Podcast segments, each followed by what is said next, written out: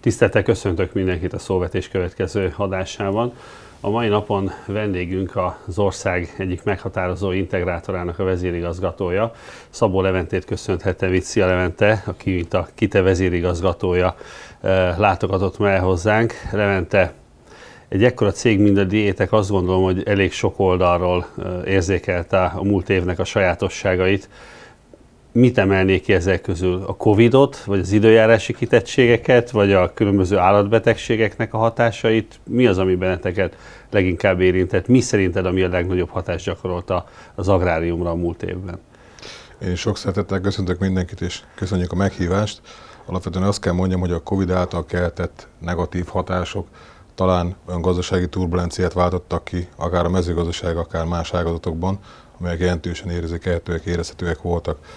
A mezőgazdaság valóban így van, hogy egy kiemelt ágazat, egy stratégiai ágazat, de ezektől a hatásoktól azért nagyon nem tudtunk eltekinteni, és hát nyilvánvalóan megspékelte ezt még az időjárás, meg amire te is céloztál, hát az állattartók, az állattenyésztők esetében maga a vírus helyzet, az nem csak a Covid-ot jelentette, jelképezte. Uh-huh.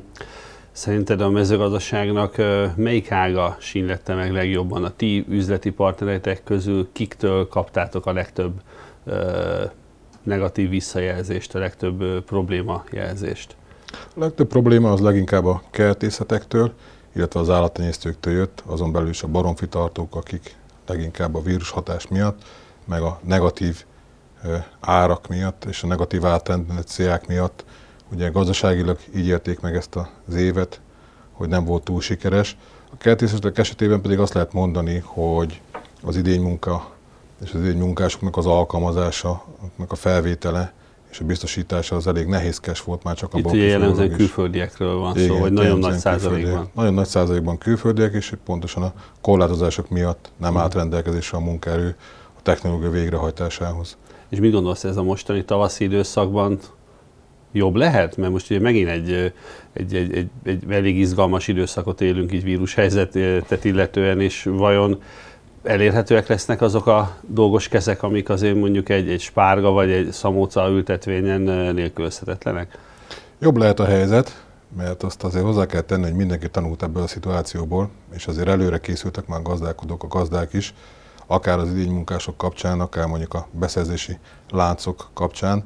Ez egy másik olyan nagyon fontos, lényeges hatás volt, ami mindenkire hatással volt, hiszen nem csak belassultak, hanem sok esetben le is álltak mondjuk a gyárak, nem lehetett beszerezni bizonyos inputanyagokat, vagy éppenséggel beruházási termékköröket. Mindenki egy kicsit előrébb gondolkodik, kicsit a jövőt hamarabb elkezdte építeni, tervezni, emiatt én úgy gondolom, hogy azért jobb lehet a szituáció, igen. Ez egyébként, ezt több helyről halljuk, és én is egyébként ezt gondolom, hogy azért ennek az egész őrületnek, amit a Covid hozott, azért valószínűleg lesznek olyan hosszú távon pozitívnak értékelhető mellékhatásai, amik, amik mondjuk pont a tervezésben, a digitalizációban azért itt velünk maradnak, és miután talán elmúl, elmúlt a baj, elmúlik a baj, ha ezek itt maradnak, akkor az eredményességünket, a hatékonyságunkat egyértelműen pozitív irányba vihetik. Ez így van, abszolút mértékben így van. Ha csak a saját példánkból indulunk ki, akkor a megrendelés állományaink kezelése eddig majdnem, hogy 100%-ban papír alapon történt, de ezzel a Covid helyzettel, vagy ebből kiindulva digitális megoldásokat kerestük, hogy minél inkább hatékonyabb legyen, gyorsabb legyen, és ne kelljen fizikálisan érintkezni uh-huh. mondjuk a mi vevőinkkel. Ezt átültettük az IT fejlesztésekbe, de hál' Istennek a termelők esetében is ezt látjuk, ezt tapasztaljuk, tehát mind az automatizálás, mind a digitalizáció irányába nem csak, hogy nyitottak, hanem nagyon nagy léptékben olyan fejlesztéseket terveztek már 2020-ra, meg 2021-re is, amelyekkel szolgálhatják, segíthetik, és ez nyilvánvalóan hatással lesz, lehet az ő hatékonyságukra is, a hatékonyságunknak a javítására. Lement a ti cégetek esetében, ha már ezt így szóba hoztad, ti hogy kezeltétek, ti milyen megoldásokat alkalmaztatok, hogy ez a, ez a vírus helyzet ez a legkevésbé vesse vissza a gazdasági teljesítményeteket, hát nyilván mondjuk a partnerek oldaláról nézve pedig azt a szolgáltatást, amit azért elég stabilan nyújtottatok, és amennyire látom egyébként most sincs különösebb fennakadás. Igen, március 15-én a Nemzeti Ünnep alkalmából úgy döntöttünk, hogy átállunk kb. hetes munkarendre, ami azt jelentette, hogy a teljes kiszolgáló apparátus, raktárosok, raktáros kiszállítók, akik fizikálisan kell, hogy a partnerek kiszolgálásában részt vegyenek AB héten, és 6-12 órás munkarendben végezték a feladatokat, dolgokat, hiszen féltünk attól, hogyha egy-egy telephelyet, egy-egy alközpontot bezárnak a Covid miatt, akkor nem leszünk képesek kiszolgálni az egyébként is csúszó szezonban a partnereinket. Nos, ezt végig toltuk teljes tavaszi szezonban, aztán volt egy kis lauf, a nyáron mindenki felszabadult, ősszel aztán megint csak átálltunk erre a munkarendre, és a nyilvánvaló home office üzemmódban is végezhető munkák mellett az ilyen jellegű fizikai kiszolgálásban dolgozó kolléginek és kollégák továbbra is AB7-es munkarendben vannak foglalkoztatva. A tipikus foglalkoztatási módok, szokták sokan mondani, nem is feltétlen szeretnénk ezt hosszú távon alkalmazni, de azt kell mondjam, hogy ahhoz, hogy az embereink egészségére tudjunk odafigyelni, és a működésünk biztonsága, így az általunk nyújtott szolgáltatások elvégzésére is biztonságot tudjunk képezni, meg kellett lépjük ezeket a kvázi drasztikus lépéseket. És sikeres volt egyébként? Tehát így nem okozott nálatok fennakadást? Abszolút sikeres volt, nem volt semmilyen fennakadás. Tehát a partneri kört tesztelve, velük beszélgetve is sem a szolgáltatás nyújtás, leginkább, hogy itt a landszervizt éltem, sem pedig az árukiszolgálás szempontjából nem érezték azt, hogy egyébként a szállítási láncok azok csúsznak, akadoznak, uh-huh. már csak azért sem, mert kicsit előre gondolkodva mi is bekészíteztünk, és ezzel a biztonsági háttérrel, hogy van AB csapatunk, AB héten dolgozó hölgyek és urak, így abszolút nem érezték azt, hogy nem kapták volna időben meg az általuk megrendelt, egyébként a technológiai végrehajtáshoz szükséges inputot, vagy éppenséggel beruházási terméket, még abban a szituációban sem, amikor például a John Deere európai gyára közül kettő leállt ez egy izgalmas ö, kérdés, hogy egyébként ebből mennyi marad meg majd, mint azért több helyről halljuk, hogy van, akinek meg kifejezetten szimpatikus volt, hogy ő neki igaz, hogy 6 napot és 12 órát kell dolgozni, de mégis utána van egy hét szabad ideje, tehát itt azért az embereknek az időbeosztása az, az újra gondolásra került, és én azt gondolom, hogy lesznek olyan dolgok, amik velünk maradnak, és bizonyos esetekben a munkaidőnek ez a 8-tól 4-ig történő, vagy 6-tól 2-ig történő meghatározása, ez eh, lehet, hogy egy kicsit rugalmasabbá válik a következő időszakban majd. Levente, Ugye a digitalizáció, a, a, az informatikának az agráriumba történő beépítése az nyilván a, a COVID előtt is már haladt, és ennek valószínűleg adott egy lökést az, hogy a személyes kapcsolatoknak a, a lehetősége érdemben ö, szűkült, és ö, személyes tapasztalat, ha nekem egy évvel ezelőtt valaki azt mondja, hogy mi online gazdafórumot tartunk 300 gazda részvételével, valószínűleg nem vettem volna komolyan ezt a kijelentést, miközben ez történik. Én azt, azt látom, hogy valóban ez a fajta digitalizációs nyitás a gazdatársadalom részéről lesz kézzel fogható. Ez egyébként nálatok akár érdeklődésben, megrendelésben ez, ez megjelenik? Tehát az látszik, hogy azok, akik most egy kicsit közelebb kerültek a digitalizációhoz, azok a, a core businessben, a mezőgazdasági tevékenységükben is elkezdtek egy kicsit érdeklődni?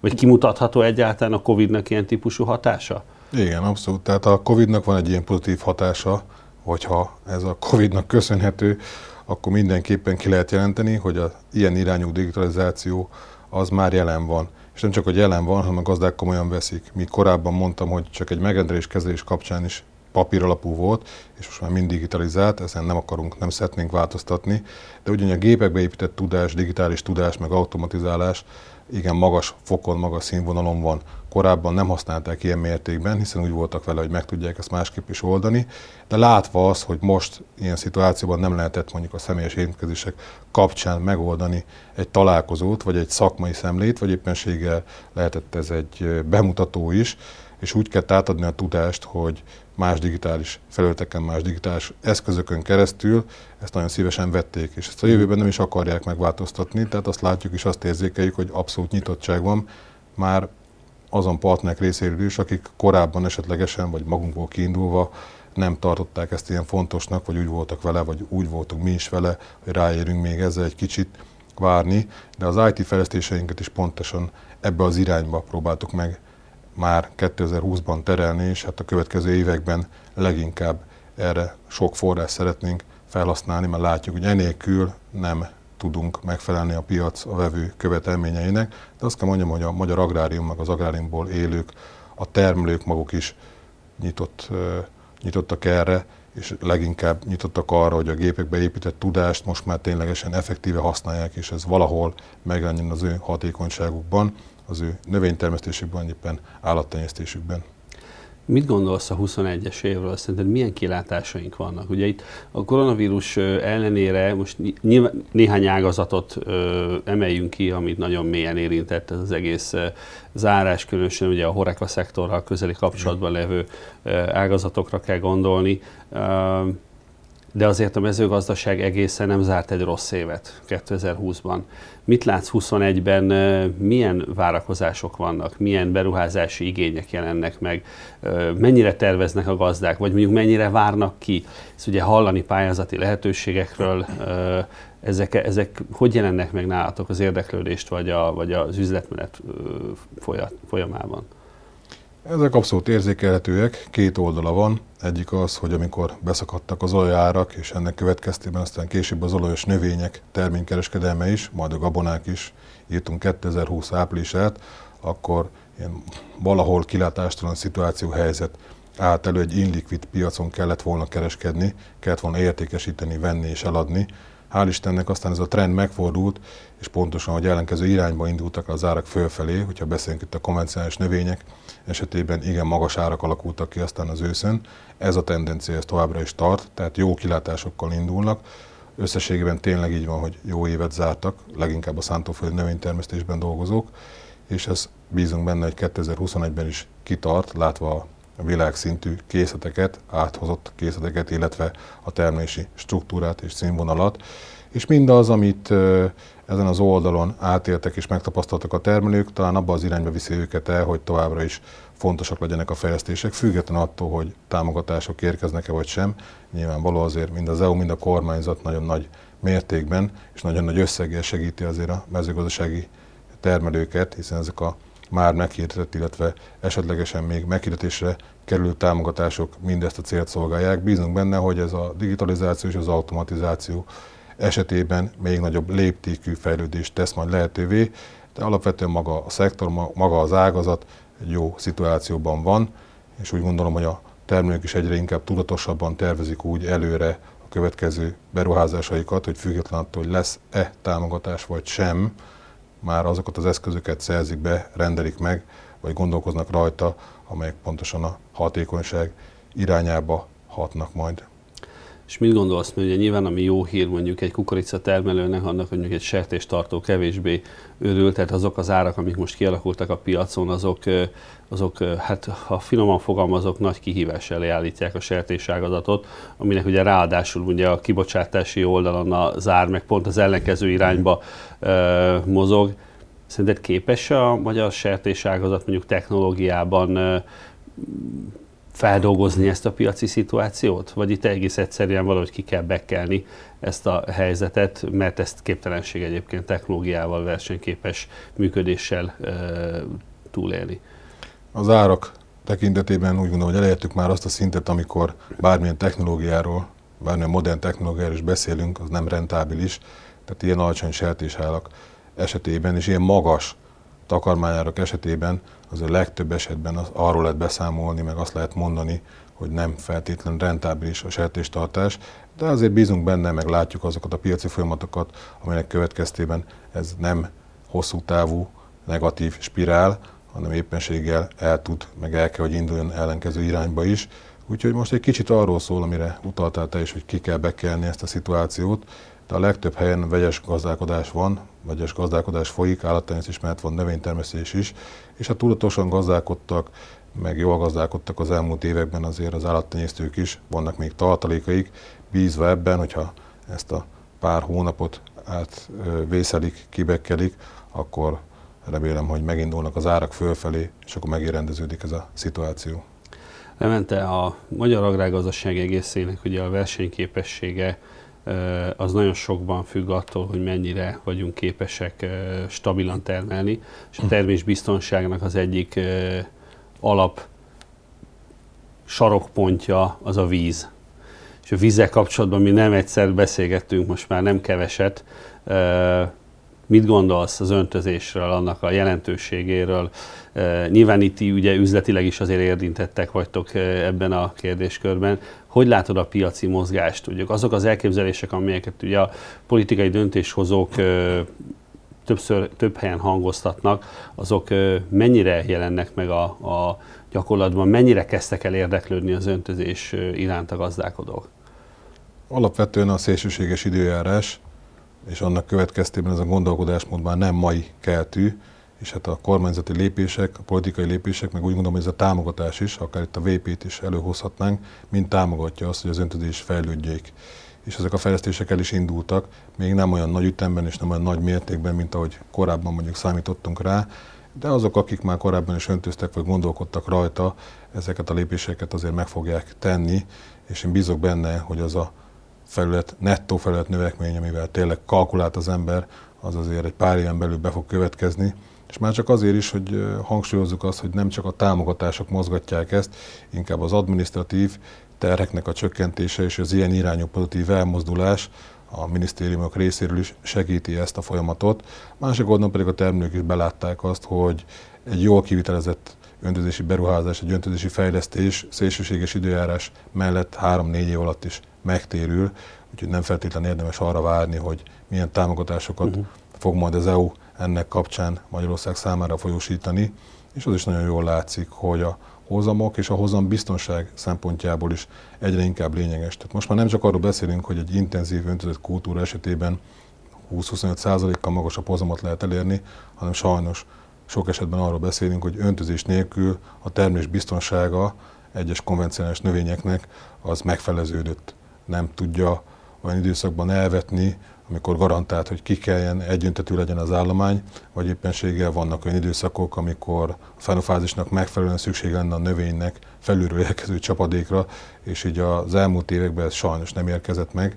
Ennek következtében jelentős termés bizonytalanság jelentkezik a növénytermesztők körében esetében, és nyilvánvalóan a kertészeti kultúrák, az értékesebb kultúrák esetében maga az öntözés az meg egy evidencia. Tehát zárt termelőberendezés alatt termesztett növény esetében az, hogy öntözés nélkül termesztenek, ez a mai világban már ez nem, nem kérdés, egyáltalán nem kérdés. Levente, ennek apropóján az jutott eszembe, hogy ti mit láttok, azok, akik mondjuk egy öntözési beruházást megvalósítanak, ott jellemző, hogy van egy növényi kultúraváltás is, tehát átállnak más nagyobb hozzáadott értékű kultúrákra, vagy az a jellemző inkább, hogy a termésbiztonságot próbálják emelni?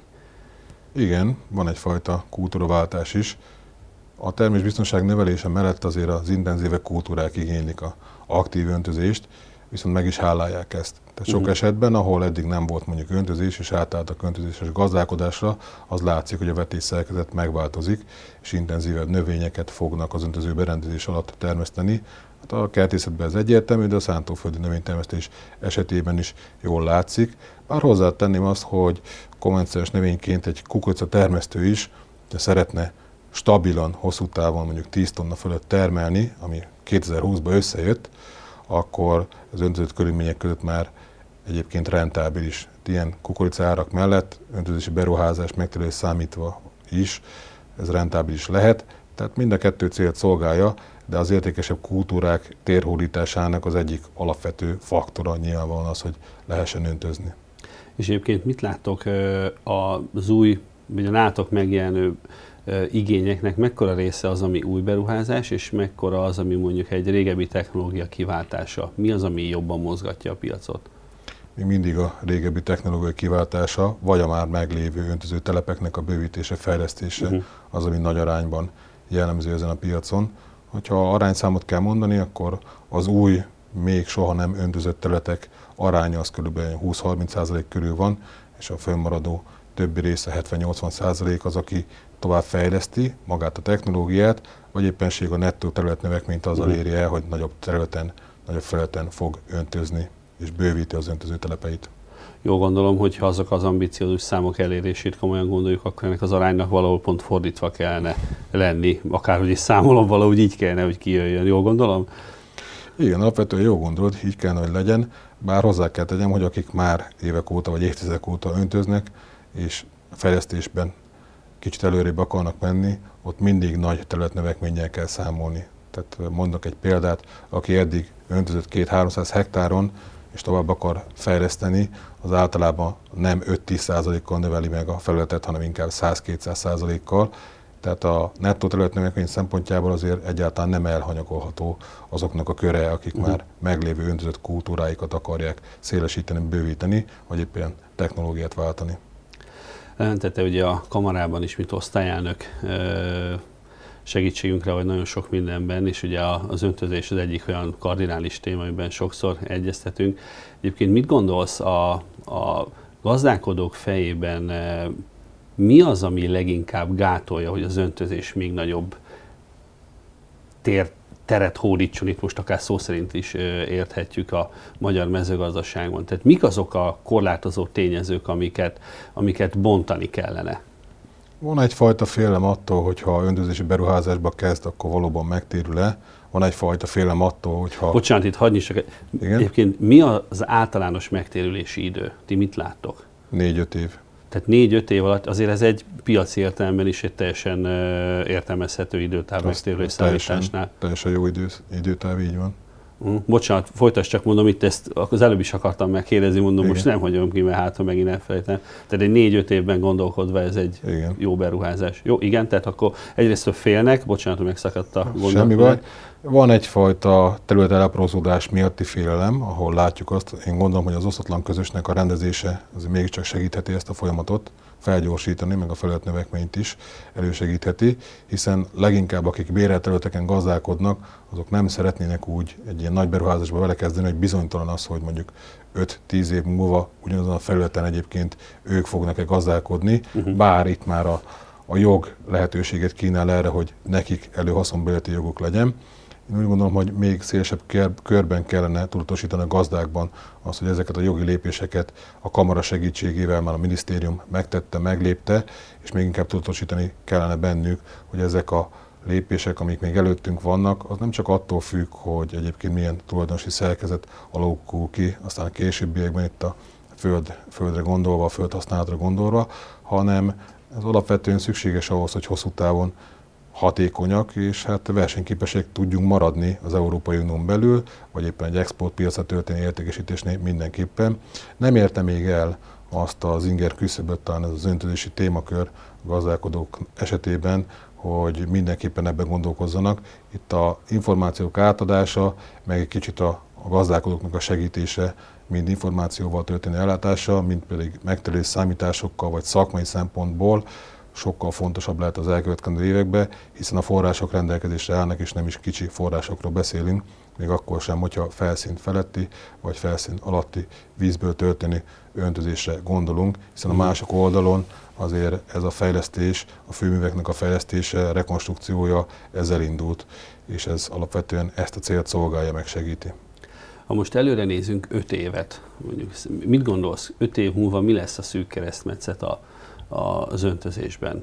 Az infrastruktúra, a pénzügyi eszközök, vagy mondjuk a gazdálkodói attitűd, vagy bármi más. Vagy bármi más. Alapvetően az attitűd, ami még mindig olyan, hogy nem, nem érte ezt az inger küszöböt, amire már céloztam, de az infrastruktúra az, amit még nagyobb ütemben, vagy még gyorsabban kellene fejleszteni, hogy kiszolgáljuk ezeket az igényeket, és meg tudjunk felelni ezeknek az elvárásoknak, és ez valós területnövekményt hozzon magával, megvan hozzá az anyagi háttér, megvan hozzá, én úgy gondolom, a, a technikai kiszolgálás, hogy szükséges mindenféle ismeret mind a két minisztérium részéről, talán egy kis accelerátor kellene, hogy ez a folyamat ez felgyorsuljék valójában. Tehát azt gondolod, hogy akár saját magunknak is definiáljunk feladatot, tehát valóban szükség lenne egy olyan, hívjuk kampányra, ami az öntözés alapismereteit, az öntözéssel kapcsolatos, akár számítások elvégzéséhez szükséges információkat a gazdáknak eljuttatja, akár egy kicsit ilyen erőszakosabban is nyomatni feléjük ezt, hogyha használhatom ezt a szót, vagy, vagy mi lenne a jó megoldás, vagy jó példákat mutogatni, tehát hogy mi, mivel lehetne áttörni ezt a gátat, mert azért látjuk, hogy vannak olyan területek az országban, ahol azért lehetne öntözni, és valahogy mégis vannak olyan részek, ahol kevésbé, kevésbé jelenik meg. Igen, a kamarának volt egy igényfelmérése egy pár évvel ezelőtt, nagyon jól definiálta, hogy hol szeretnének öntözni a gazdálkodók. Azt megint csak nagyon jól tudjuk, hogy hol van rá lehetőség, hova tudja oda juttatni a vizet egyébként. Most, ez majd bővül reményeink szerint. És a jövő szempontjából is. És ez az informáltság, vagy az informáltság hiánya sok esetben talán ahol a vezet, hogy ők is várják azt, hogy valaki esetleg segítse őket ebben, hogy megismerje, hogy milyen változtatások mentek mind a jogi oldalról végbe, mind pedig mondjuk a főműfejlesztések esetében, és a kamara viszont ott van mindenhol a vidéken, minden gazdálkodót elér, úgy gondolom, hogy a falugazdász hálózaton keresztül gyakorlatilag a teljes termelői körrel, akik Magyarországon élnek és léteznek, kapcsolatot képes és tud ápolni, és ápol is más ügyből kifolyólag mindenképpen, talán egy kicsit jobban kellene presszionálni őket abba az irányba, vagy lehetne presszionálni abba az irányba, hogy kvázi kampány jelleggel, de informálja a termelőket és megpróbálja ezt a jövőt valahol ténylegesen bemutatni nekik, alátámasztva mindenféle gazdasági megtörés számításokkal, és esetlegesen azokkal a piaci ismeretekkel, amik megint csak szükségesek, mind a beszerzés, mind az értékesítés oldaláról, hiszen ezeket a növényi kultúrákat, amelyeket öntött körülmények között termelnek majd meg a jövőbe, ezeket értékesíteni kell. Ebbe itt vagyunk, tudunk benne segíteni, gondolok itt akár a vetőmagtermesztésre, vagy olyan kultúrákra, aminek nincs akkor a hagyománya Magyarországon, vagy nincs akkor a piaca, és mind export piacorientált, de ezek a piacok léteznek. Tehát, hogy Mire ez... gondolsz most, bocsánat, csak egy példát mondja.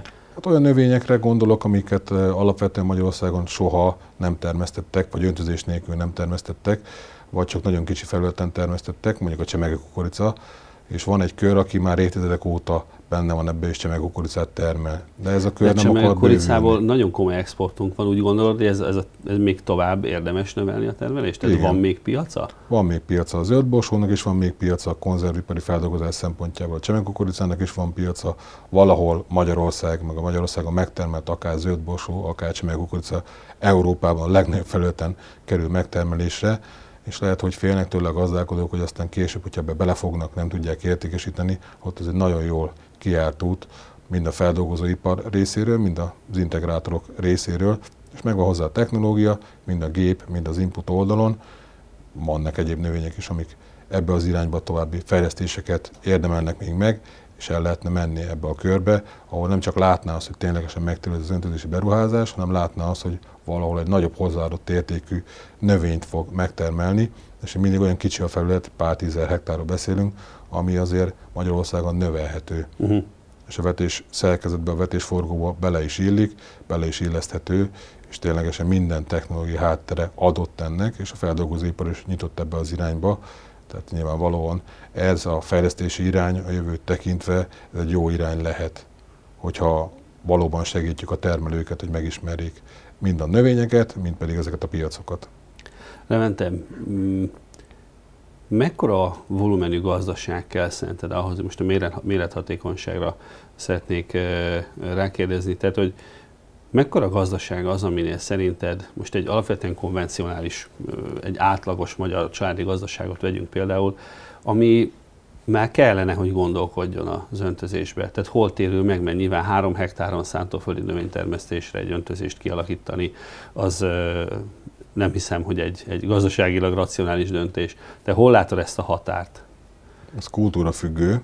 De ezért mondom, hogy ez a klasszikus, Klasszikusan klasszikus konvencionális... Azt kell mondjam, hogy az áttermelő berendezés alatt, és itt kertészeti kultúrákról beszélünk, már néhány hektár esetében is megtérülő beruházás mindenképpen megtérülő beruházás. A szántóföld. szántóföld esetében pedig azt kell mondjam, hogyha azért egy ilyen 80-100 hektáros nagy, nagyságrendben termelünk, és ezen a négy fő legnagyobb területen termesztett kultúra előforduló konvencionális növények közül, akkor már megéri öntözésfejlesztésben gondolkodni, hiszen a vetésforgó miatt mindig kerül alá olyan növény, aminek mondjuk a termésbiztonság növelése szempontjából, vagy éppenséggel a hatékonyság javítás szempontjából egy öntözés az meghálálja saját magát. Tehát mondjuk egy 100 hektáros gazdaságnál érdemes már ezt megfontolni, Igen. azt gondolod? Igen. És mondjuk, mondjuk az egy negyedét, hogyha egy ilyen Igen. zsinór mértéket akarunk számolni, így van. Uh-huh. Tehát egy 100 hektáros gazda nyugodtan gondolkodhat egy 20-30 hektáros öntözésben, és mostani ismereteink szerint ez mondjuk kevésbé szerencsés időjárás mellett is, vagy körülmények mellett is, de 5 év alatt egy megtérülő beruházás lehet. Igen, ezt abszolút ki lehet jelenteni, főleg, hogy olyan kultúrák kerülnek alá, amik igénylik ezt, és meg is hálálják, amire céloztam korábban is, a vetésforgón belül, a harmadik, negyedik évben oda kerül mondjuk egy kukorica, és szélsőséges időjárást írunk, mint korábbi években, akkor ténylegesen biztosított ez a megtérülés. Ez csak azért akartam kalkulálni. kérdezni, mert nagyon sok gazdálkodó fejében egyébként az él, hogy az öntözés az a nagyoknak a homokozója, és hogy igazából ő ezzel mit kezdjen, persze de jó lenne, de hát én ezt nem érem fel. Én, én erre gondoltam egyébként, amikor az attitűdöt szóba hoztam, hogy lehet, hogy vannak olyan negatív érzések, amelyek egyébként lehet, hogy ma már abszolút nem racionálisak, nem feltétlenül kell félni tőle, és érdemes lenni egy kicsit jobban utána járni, és akár mondjuk itt a fiatalokat is érdemes megszólítani, hogy otthon presszionálják a, az idősebb korosztályt, hogy bizony ez egy olyan fejlesztési irány, ami, ami, ami nagyon gyorsan, relatíve gyorsan megtérülhet. Ez teljesen így van, és nyitottak is rá a fiatalok, csak a saját példákat tekintve a legkisebb ilyen öntöző telep, amit az elmúlt években megépítettünk, egyébként ez egy 10 hektáros Central Corner pivot, ennek következtében az alatta lévő kultúráknál már most három év elteltével azt mondja a gazdálkodó, aki ezt megépítette, hogy megérte, popcorn termel részben alatta, kvázi számolt is vele, hogy egyébként ehhez szükségeltetik, hogy öntözze ezt a kultúrát, de látja a jövőt, és látja azt, hogy más kultúrák esetében ez egy abszolút megtérülő beruházás lehet, még akkor is, hogyha az időjárás nem szélsőséges, és mondjuk az égből érkező csapadék mennyiség az mond, mondjuk éppen mindig időben érkezik, mindig abban a fenofázisban, amikor azt a növény igényli, bár mindannyian tudjuk, hogy ezért ilyen nincs. Ilyen nincs. Ilyen nincs. Hogyha a mennyiség adott, akkor az időbeli eloszlása és a térbeli eloszlása az általában nem szokott klappolni. Így van. Levente, én nagyon szépen köszönöm, hogy itt voltál. Én azt gondolom, nagyon izgalmas témákat tudtunk beszélni, és nyilván itt ennek a részleteibe belemenve még, még tudnánk ezt fokozni. Én nagyon remélem, hogy egy későbbi időpontban már az eredményekről is tudunk beszélni, hogy milyen sokat haladtunk előre, és milyen sok gazdálkodó rohamozott meg benneteket itt akár az öntözéssel, akár eh, egyéb más mezőgazdaságot előre vívó, vívő ötlettel, gondolattal. Sok gazdasági sikert kívánok nektek, mert az azt fog jelenteni Szépen. egyébként, hogyha egy integrátornak jól megy, akkor jól teljesít a magyar mezőgazdaság eh, egésze. Úgyhogy azt gondolom, hogy eh, ez nem is egy ilyen csak neked szóló jó kívánság, azt, azt kívánom, hogy menjen jól a cégnek. Én köszönöm szépen mindenkinek a figyelmet, remélem, hogy élvezték a beszélgetést és sok hasznos információt, legalábbis gondolatot, ötletet tudtunk átadni. Arra törekszünk, hogy a következő alkalommal is hasonló jó témákkal érkezzünk. Köszönöm a figyelmet!